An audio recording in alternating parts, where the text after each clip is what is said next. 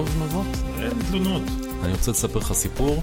השנה היא 1990, כן, 1990. שוב סיפור על חיפה. כן, שוב סיפור על חיפה. כי האורח הבא שלנו ואני היינו משחקים בהפסקות כדורסל, הוא היה שחקן כדורסל מעולה, מעולה. באמת? אה, לא נראה לי שאביב לא זוכר כל כך אה, טוב, טוב, נו אבל אה, בסדר, אני פשוט. הייתי שחקן כדורסל די גרוע, אבל היינו עמית קרפ, מעניינים, בסדר, מה נשמע? וולקאם. תודה רבה שאירחתם אותי, שמארחים אותי. שותף בקרן ההון סיכון האמריקאית בסמר, כאן בישראל, ובעבר חבר שלי לספסל הלימודים במשך שלוש שנים נראה לי. כן, וגם ל-D&D, אני לא יודע אם אתה עדיין זוכר את נכון, זה. היינו משחקים קצת D&D. ועכשיו בעצם מסגרת אותי כחנון על את. שנינו בעצם. שניכם, מה אתם איזה? יש לכם את הקובייה עם ה-20 פירות? נכון. כן, בדיוק. כן. כן, אתה היית dungeon master נראה לי גם. היו היו ימים, היו כן, ימים. היו ימים טובים פעם. יום אחד נעשה פרק על אה, כמה אביב חנון, כי בדרך כלל אני יוצא חנון פה. אז רגע, אז היינו בשלוש שנים באותה כיתה, ומה קרה איתך מאז? איך התגלגלת ונהיית שותף, אה, אה. לאחרונה גם שותף בכיר אה, בקרן? לא, לא שותף בכיר, לא להגזים, שותף. שותף. בקרן, כן, אחד מה-15 שותפים בקרן הגלובלית של. אה, וואו, מה קרה מאז? הרבה דברים אה, איך נהיים קרו. שותפים בקרן הון סיכון חשובה ומצליחה כמו בסמר?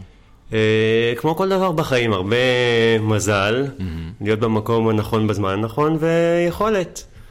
אה, אז אני אעבור בקצרה על המסלול מאז אה, ימי ריאלי העליזים. אה, אחרי ריאלי הלכתי לצבא, הייתי קצין ביחידה קרקעית של חיל האוויר.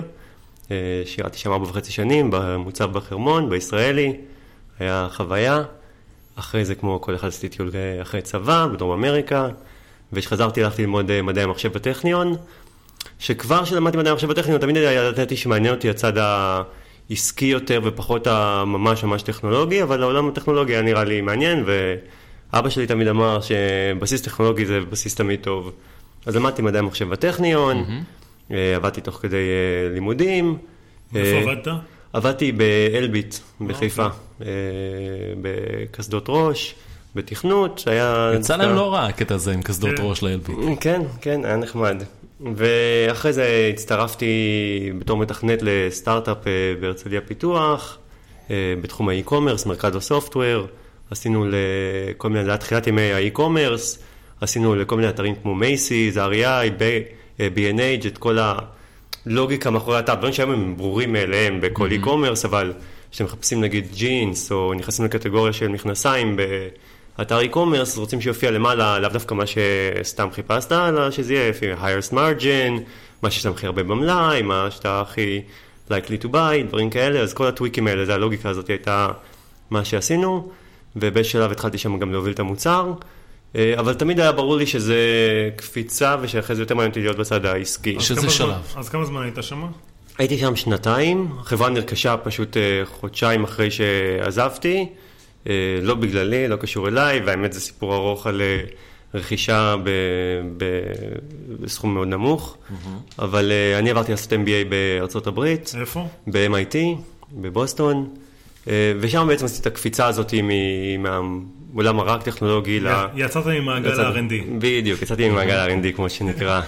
אה, הייתי בסך הכל דרך אגב מתכנת לא רע, הייתי מתכנת אפילו די אה, טוב. אתה אומר, בוא נשאל אחרים. כן, נשאל אחרים, אבל אה, אבל- אבל זה... פחות בשבילך להיות יום שלם מול המסך. בדיוק, זה החלק שהכי הפריע. לי, זה החלק שהכי הפריע לי. נורא אהבתי את הלוגיקה, נורא אהבתי את החשיבה בתכנות, ואני עדיין נורא אוהב את זה, אבל היה קשה לי, ש- היה חסר לאינטראקציה עם אנשים. אז אוקיי, אז עשית את ה-MBA. עשית MBA, אחרי ה-MBA השלב הבא היה להחליט בין ללכת להיות product manager באמזון, או להצטרף למקינזי. עשית את זה בגלל שאח שלך אמר לך, או ש... לא, לא, אה, אח שלי גם עשה MBA באותה תקופה, האמת זו הייתה תקופה שגם אחותי כמעט עברה הברית, ההורים שלי וואי. חטפו, כן, הייתה תקופה קשה במשפחה בארץ, בסוף אחותי נשארה כאן, וכעבור שמונה שנים גם אח שלי וגם אני חזרנו לארץ, אז כולם עכשיו חזרה פה. אה, אבל אה, לא, עשיתי את זה כי ידעתי שזו הדרך הכי טובה בשבילי לעבור מה, גם מהצד הטכנולוגי גם לצד ה- העסקי יותר, וגם ה... בסוף MBA, עוד פעם, יש הרבה דרכים אחרות לעשות את זה, אבל MBA בארצות הברית זה פותח אה, דלת דלתות שלא פתוחות אחר, אחרת. וזה לא סתם MBA בארצות הברית, זה MBA באחת מאוניברסיטאות כן, ה-Ivy כן, League. כן. כלומר, אתה נכנס בעצם לשורה הראשונה, שממנה בוחרים אה, עובדים לחברות מאוד מאוד אה, בדיוק. חשובות במשק האמריקאי. ומה שקורה בארצות הברית, יש כל מיני חברות, שזה ה consulting גדולים, McKinsey, BCG, Bain, כן.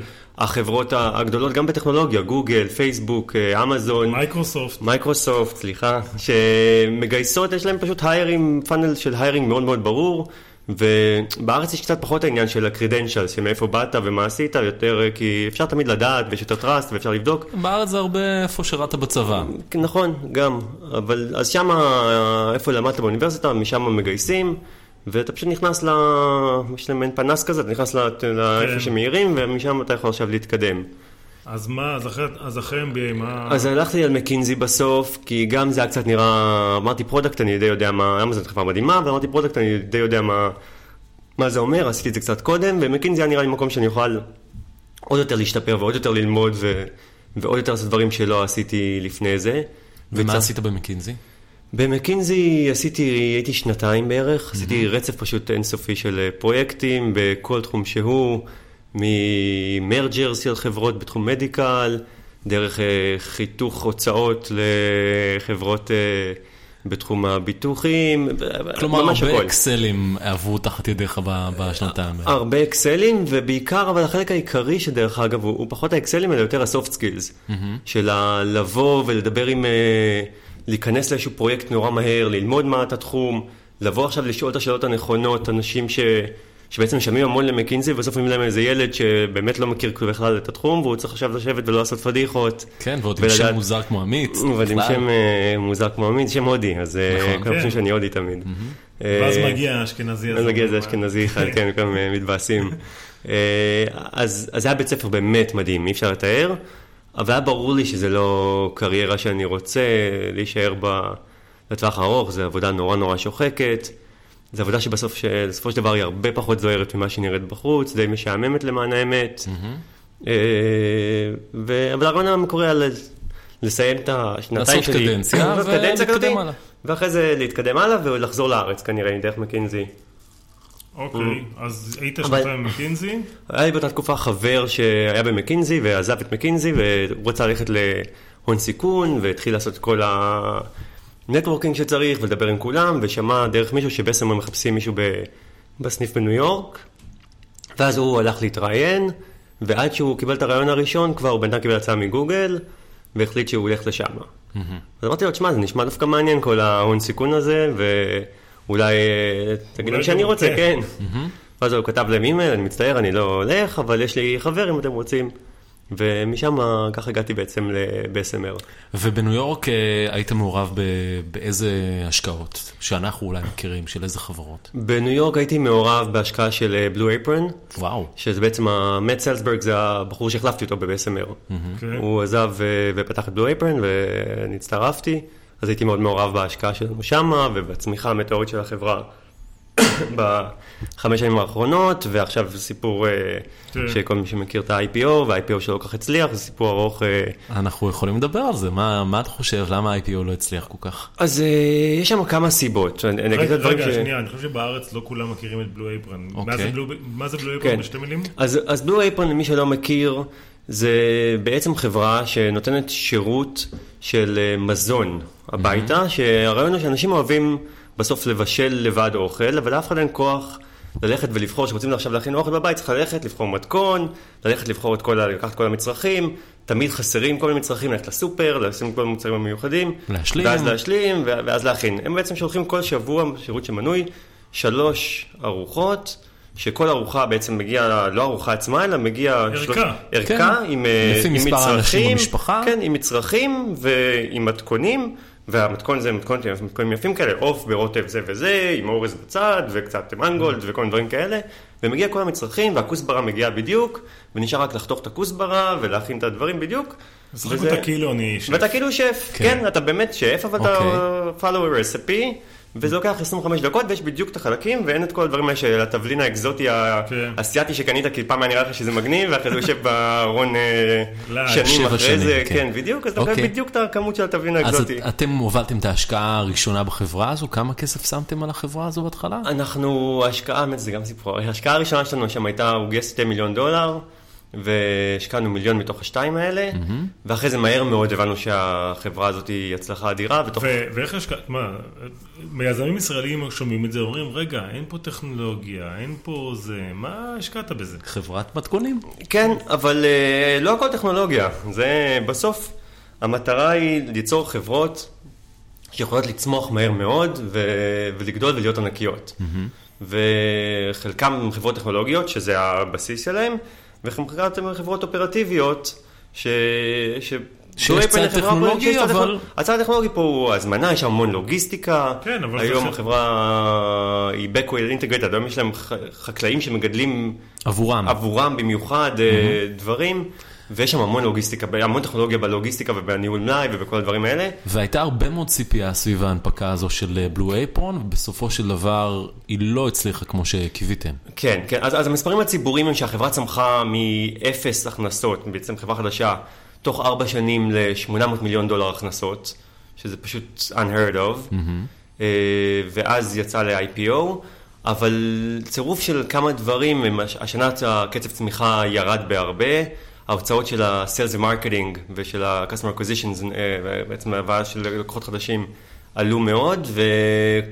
ועוד כמה סיבות, בדיוק הול פודס. נרכשה על ידי אמזון, שיש כאלה שטוענים שזו אחת מאוד- הסיבות המרכזיות כן, ל... שבוע לפני ה- היציאה של החברה להנפקה. להנפקה, וכל זה הוביל למניה שהייתה אמורה להיות מתומחרת ב-15, בסוף ברגע האחרון החליטו לתמחר אותה ב-10, ועכשיו היא נסחרת סביב 5... חמישה דולר. 5 דולר אז מה זה- אומר בעצם בשבילכם?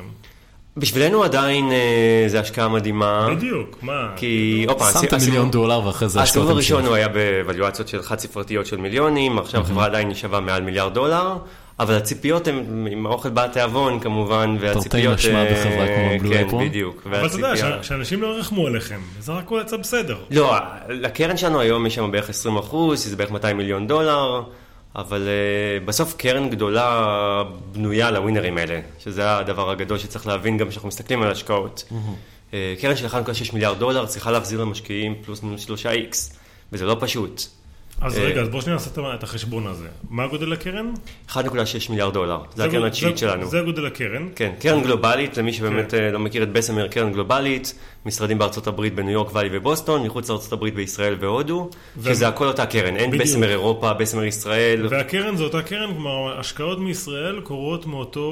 אה, אותו בנק בעצם. אותו בנק, אותו pool, אותו הכל, ההחלטות, אין, אין ישראל. Mm-hmm. יכול, אני מחר יכול לעבור למקום אחר ולהמשיך להשקיע מכל מקום, ובארץ יכולים להשקיע אחרים, ואת- פשוט כל שותף יכול להשקיע יודע, איפה שהוא אני רוצה. יוצא לדבר עם קרנות אמריקאיות, ואני שואל אותם למה אין לכם משרד בישראל, והם אומרים, כי בישראל אקזיטים זה לא... אני משווה את זה לאקזיטים שאני עושה בוואלי, אז האקזיטים בוואלי הם הרבה יותר גדולים, אז מה אני אעשה?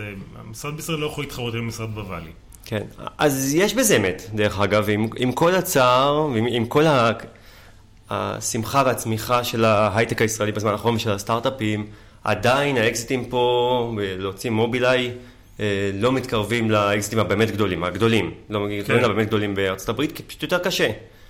אה, אבל אה, בגלל זה לשחק VC בארץ ולשחק VC בארצות הברית, צריך לדעת איך, איך לשחק את המשחק הזה ולעשות התאמות.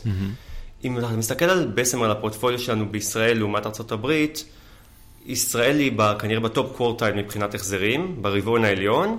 אף פעם לא נהיה ב- באמת ה top של ה top בתוך בסמר, אבל תמיד אנחנו ברבעון העליון, כי אנחנו יותר... אה, בארצות הברית יש לנו החזרים שלפעמים ענקיים, חברה כמו Twilio, אנחנו בשלב היינו עם כמעט מיליארד דולר החזקות שם.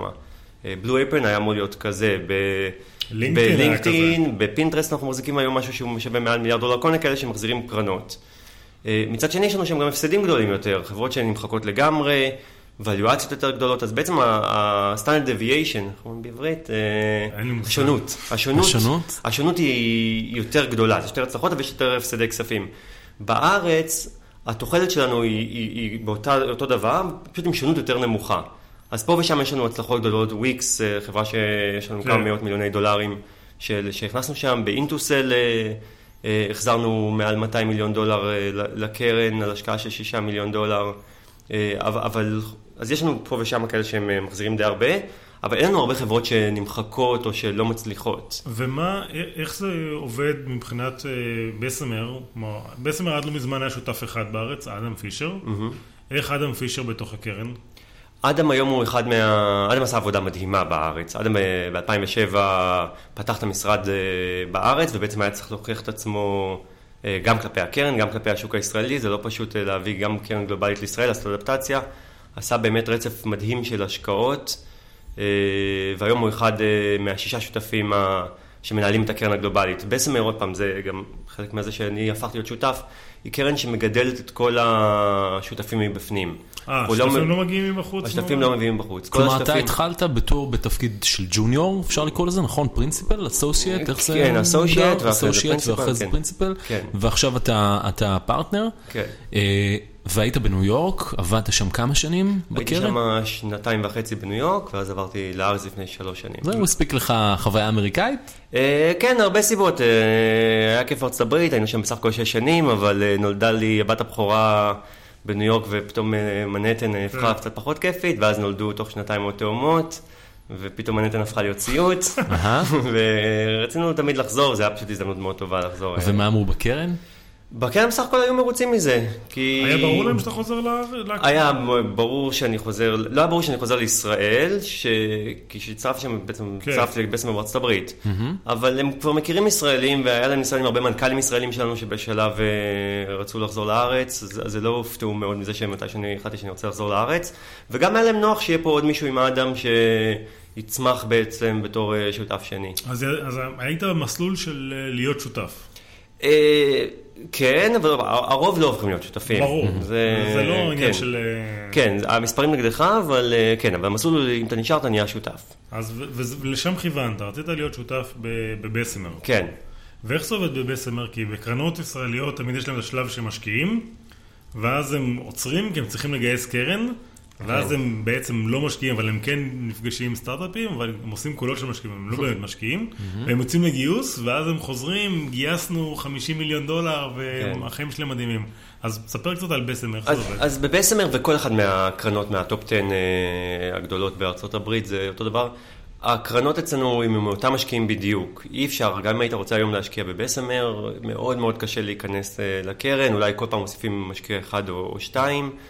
אה, מגייסים, הקרנות הן בדרך כלל over subscribed והרבה, פשוט עוצרים אותם עכשיו ב-1.6 מיליארד, שזה כבר הרבה מאוד, וכבר די קשה להחזיר. מבחינת ה-LPs, כלומר ה-LPs שלנו, כן, אלה. שמשקיעים במשקיעים. כן, בדיוק, אלה שמשקיעים אה, בנו, וכל ארבע שנים, ברגע שזה פלוס מינוס יוצא ארבע שנים, שנגמר הכסף, אז לפני עושים איזשהו גיוס נוסף מהקרן חדשה, מה- מאותה בסיס LP, אבל זה תהליך שלוקח חודשיים שלושה.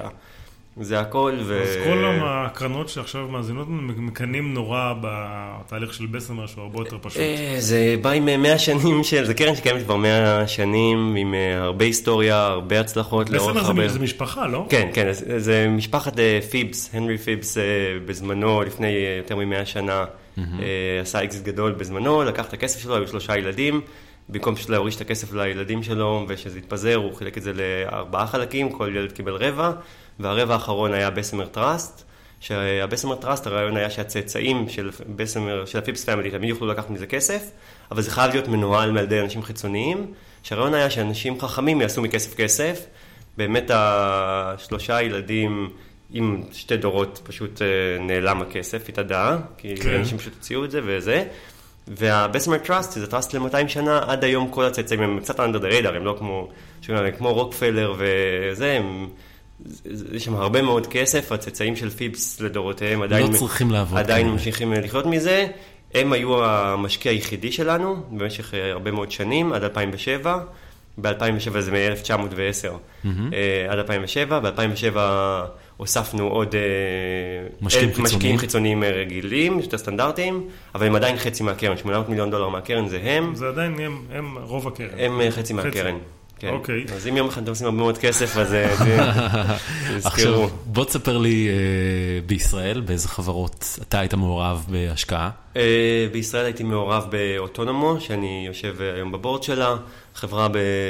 האמת, מאוד מעניינת בתחום של רכבים, שהרעיון הוא שרכבים הופכים להיות יותר ויותר מחוברים, מחוברים, הכוונה מחוברים לאינטרנט, הם מוציאים הרבה מידע מתוך הרכב הזה, אבל מאוד קשה... המידע הזה מאוד מאוד שימושי להרבה מאוד גורמים, אם זה ביטוח של לתת עכשיו לנבות או לך אביב, ביטוח היום הוא בעצם אותו דבר, אבל כל אחד מכם נוהג אחרת, מתאר לעצמי פה מי יותר...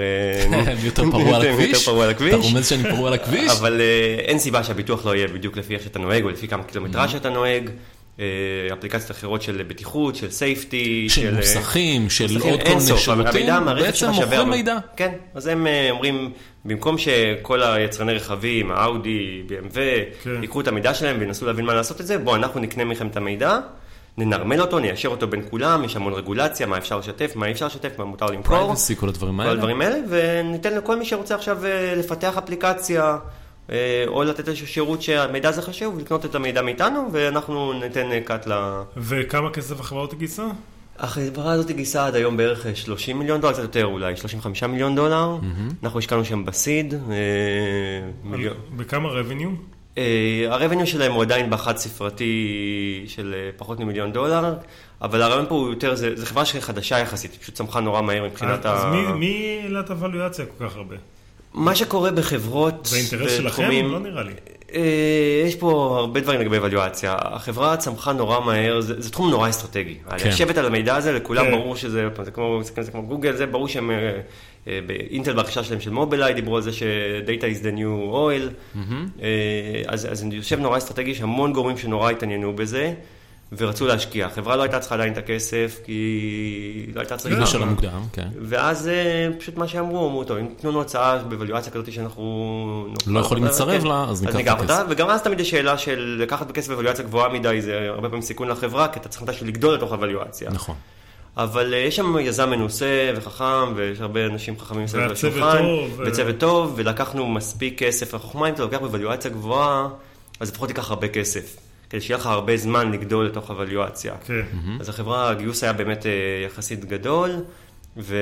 וכבר עכשיו ה- החברה בטוח בתוך הוולואציה ויש כבר אה, שיתופי פעולה עם אה, OEM, זה כן, כן, יש שם רכב. כבר עובדים עם 13 OEMs, יש אה, 70 אה, בצד השני של ה-consumers של- של הדאטה, אלה שרוצים לקבל את המידע ומוכנים לשלם, יש 70 שכבר עובדים איתם, והשנה הבאה תהיה השנה הגדולה של ה-revenue, וזה חברות שפשוט יכולות, עוד פעם, יכולה להתקשר לגמרי, אבל השוק הוא עצום. בסדר, זה בגלל זה- ענקית. בגלל זה נקרא הון סיכון. נכון, לפעמים משקיעים גם לוקחים סיכון.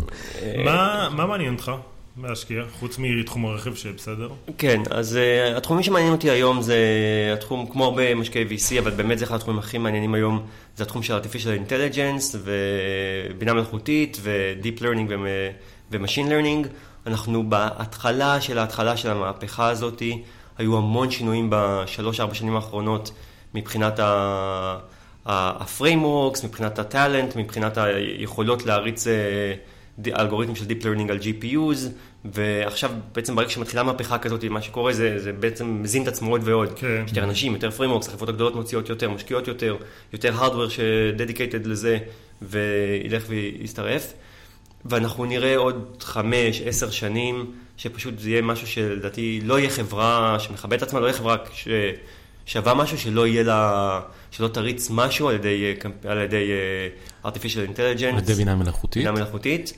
אז מעניין אותי חברות שבעצם משתמשות בבינה מלאכותית בשביל לתת ערך לצרכנים. הכי מעניין בבינה מלאכותית זה ה data עצמו. זה מי ש... כי בסוף האלגוריתמים האלה הם, כן. הם בדרך כלל open source, עדיין צריך להביא צוותים וזה, אבל החלק ה proprietary, מה שקוראים לגוגל להיות גוגל, אה, זה לאו דווקא היכולות של הבינה המלאכותית, אלא פשוט החיפושים שהם יושבים עליהם. ה data set. ה data set, ש... אז חברות שיכולות להביא data set unique שיש רק להם, ועל ידי ה data set הזה לתת שירותים יותר טובים, כי הם אה, בעצם לימדו את המכונה בצורה יותר טובה. ועכשיו שיש להם שירותים יותר טובים, יהיה להם יותר לקוחות, וזה יהיה עוד יותר מידע, נוצר איזשהו... מעגל בעצם קסמים. מעגל קסמים כזה, וזה נורא מעניין. אז דברים כאלה... מלא סטארט-אפים באים ושואלים אותי איך אפשר להגיע ל data set של מייקרוסופט, ואני אומר להם, זה מקסים בעיניי, זה לא יקרה. זה לא יקרה, כן. אז זה- זה היתרון דרך אגב שיש לחברות הגדולות, למייקרוסופט, לגוגל, אה, שהם פשוט יושבים על הרים של data. והם יכולים אה, להתחיל ברור. לעשות, אבל אם אוקיי. לוקחים איזשהו נישה ש data שלא קיים, יש לנו חברה בשם Prospera בעולם של חקלאות, שעושה בעצם אותו דבר, העולם של חקלאות עולם ענקי. אה, תעשייה מסורתית. תעשייה מסורתית, אף אחד לא יודע מה קורה בשדה בגידולים. יושבים שם, זה, והם בעצם מכניסים איזשהו סנסורים ומידע ומצלמות, ולוקחים המון המון, אה, המון, אוספים המון מידע לצמחים, מעלים את זה לענן, ל cloud, עושים שם artificial intelligence, ובעצם נותנים לחקלאי יכולת לעשות דברים שהוא פעם פשוט לא, לא דמיין שאפשר. כמו אם- מה? אם פעם היה בא אגרונום או טכנאי ומסתכל על זה כמה עלים, ואומר, טוב, נראה לי שאתה צריך להשקות יותר, לדשן יותר, וחוזר אחרי שבועיים, ואולי זה, פתאום זה נעשה בצורה אוטומטית 24/7, פתאום הוא יכול לדעת איך החממה הזאת היא לעומת החממה ליד, ולראות שהתפוקה שלהם היא לגמרי שונה, וזה דברים שפשוט אף פעם לא מדד. פתאום הוא יכול להסתכל לשבת מול הלפטופ שלו ולראות עוד שבועיים, יהיה לי ככה וככה עגבניות את שרי טומטו מסוג אה, כזה, וזה יהיה שווה ככה וככה, ואם שווה לי לקטוף עכשיו, או שווה לי לזרוע. ובעצם תחום שהוא היה כולו מעין ארט, בלי הרבה מידע, כי פשוט לא נשמר המידע בשום מקום, הופך להיות אז- אה, לגמרי... אתה יודע, יזמים, אה, תמיד הם מסתכלים על, אה, על איזה משקיע הם רוצים להכניס אה, בתור שותף לחברה שלהם. סתם שאני חוזר שנייה ל Bessemer, שנה שעברה היו בערך שני מיליארד דולר אקזיטים. פלוס מינוס בארץ. Bessemer כמה... היה לנו יותר ממיליארד דולר אה, מתוכם. כלומר, או היינו מעורבים חלק ביותר. שלכם? היינו- הייתם לא, מעורבים? היינו מעורבים. החלק שלנו, החברות שלנו, סך הכל כל האקזיטים שלהם, שזה היה Ravello, Cloudlock, קליבה אה, ואלתר, היו מעל מיליארד דולר. אז בסך הכל אתם יודעים מה אתם עושים. אה, בינתיים, היסטורית כן. בעתיד על לדעת. חמש שנים. נכון. יכול תגיד, מה. הסיכוי, אה, דיברת הרבה על אה, artificial intelligence, כאילו בינה מלאכותית ודברים כאלה, מה הסיכוי שהיום תשקיע בחברה שעושה מתכונים, כמו בלו אייפון, בישראל, בישראל הסיכוי יותר קטן לחברה בתחום הזה. או בחברות אבל- שהן לא מאוד טכנולוגיות? אז אה, יש סיכוי הפעם, בישראל, זה החלק שצריך לעשות אדפטציה למדינה. בישראל באופן אינהרנטי יותר קשה לפתוח חברה בהגדרה, כי אתה נמצא רחוק מהשוק, כי זה לא השוק האמיתי, וזה די מדהים שחושבים על זה ועדיין רואים את ההצלחות שיש בארץ. אחד החוזקות של המדינה זה באמת הטכנולוגיה, אז הרבה מאוד, כמעט כל החברות שאנחנו משקיעים בהן פה, יש להם איזשהו קור טכנולוגי, בגלל שזה מה שמחזיק. מצד שני, יש חברות, אפילו וויקס לדוגמה, כן, חברה. שהשקענו, שהשקענו בה, שגם אחד ההחזרים הטובים שלנו. מובילאיי זה סיפור אחר, אגב, זה אחד האקזיטים האקזיטים הכי גדול שהיה בארץ, אבל שם באמת זה ה recipe הרגיל. כן. זה core technology, זה B2B. וויקס שהשקענו, בזמן אמרו, רגע, בישראל לפתח אה, מוצר ל consumer, ואין product בישראל ואין marketing, והחברה הזאת היא המשיכה להוכיח שהיא מצליחה, ואז היא הלכה ל IPO, ואמרו, רגע, חברות ישראליות כן סקייל, לא יודעים לגדול, עד 100 אנשים, עד זה, ולא יכולים להגיע מעל 100 מיליון הכנסות, ופתאום הגיעו ל-200, והם כל רבעון בתור חברה ציבורית executing really well, כאילו beat and raise כל פעם. אה, אז זה דוגמה ל... הפרדיגמות הישנות, צריך תמיד לבדוק אותן טוב טוב. ו consumer זה משהו שאפשר לעשות, אנחנו מחפשים בישראל, כי היתרון ב consumer שבאמת זה שוק גלובלי וזה אפשר ליצור חברות גדולות. כן. מחפ... אם היה משהו כמו בלו אפרן בישראל, נראה לי שסיכוי יותר קשה בגלל שהשוק, פשוט זה נורא קשה להתחרות עם התחרות המקומיות שם, אבל דברים אחרים ש... שיש להם איזשהו נגיעה ויש איזה משהו, אבל לא חייב להיות טכנולוגיה מאחורה. אז כן מעניין מעניין אותך. יכול להיות מעניין. אה, טוב, זה עבר נורא מהר, נשאר לנו שתי דקות. מה עוד חמש שנים? מה, איפה אתה הולך להיות? אה, ב-BSMR עדיין. כן. התחייבת עכשיו. כן, עכשיו התחייבתי, אז זה- זה כזה, פעם ראשונה בחיים שלי שאתה שואל אותי איפה אני עוד חמש שנים, ואני יכול להגיד לך בדיוק איפה אני אהיה. אה, בתקווה עכשיו מונטי שותף, זה באמת, אה, זה יפה, אבל זה גם בא עם הרבה אחריות, ועכשיו חובת הוכחה עליי. כן, אנשים בטוחים שזה זוהר, אבל זה כאב ראש. זה כן, זה פתאום אתה מתחיל, שותף ב-VC זה אחד התפקידים היחידים שאפשר נורא למדוד. ברוב החברות אתה מגיע לאיזשהו שלב שאתה כבר יודע מה אתה עושה, ואתה מגיע לסטדי צייט ואתה פשוט רץ. אז זהו, אנשים לא מבינים את זה, אני לא חושב, לא חושב שכל המאזינים מבינים את זה. נורא קל למדוד שותף ב-VC, למה? כי זה מספרים, אתה. השקעת ככה דולרים, ועוד חמש 5-10 שנים, בוא ניפגש עם כמה ש- ניפגש וההשקעות עשית? כמה רשומות? על- שמך בעצם. כן, השמות אה, רשומות על שמי. כלומר, חברה כמו פרוספרה לצורך העניין, אם היא תצליח מאוד, אז אתה, זה ייזקף לזכותך. עוד פעם, כל חברה יש לה את הניואנסים של כמה אדם, כמה אני, כמה כל אחד, וכל מיני, יש פה הרבה לוגיקה מאחורי הקלעים, כן. אני מקבל כמה נקודות. אה, יש ממש אה, ציונים כאילו? בסמר הכל מדיד. חלק מהעובדה שהקרן היא כזאת שלוקחים ילדים, או לא ילדים, לוקחים אנשים ומגדלים אותם להיות אה, שותפים, והשותפים, כמו אדם, הופכים להיות גם שותפים מנהלים. אין רוב הקרנות הון סיכון יש איזה בן אדם אחד או שתיים שהם זה, והם אף פעם לא פורשים, ובאיזשהו גיל הם הולכים לדאבוס ועושים סקי, ועדיין הקרן על כן. שמם, ובסמר אין. אתה, על המספרים שלך אתה תהפוך להיות שותף מנהל, או אחד מהשותפים הבכירים, ואם אתה לא ת, תמשיך להשקיע טוב, אתה גם תצא מהקרן. לגמרי מריט בייסט. אין שותפים ותיקים שלפני 20 שנה היו משקיעים טוב, והיום הם עדיין אה, חוגגים. אז הכל מדיד. וואו, טוב. טוב. היה מעניין. היה מאוד מעניין. אה, איך אתה שבוע הבא בשביל מפגש D&D? אנחנו כאילו סוגרים כאילו... אני לא יודע אם אני זוכר, אבל... אני לא. אבל... אה, תביא את הקובייה. עם ה-עשרים, אבל אני אם רוצה נמצא את. הקובייה, אני בא. מעולה. עמית קרפ, תודה רבה, בסדר, תודה רבה שאירחתם אותי. ובהצלחה. אה, נבות וולק, תודה רבה גם לך, וגם להילה בר המפיקה שלנו. אה, 30 דקות או פחות, עד הפעם הבאה. יאללה ביי.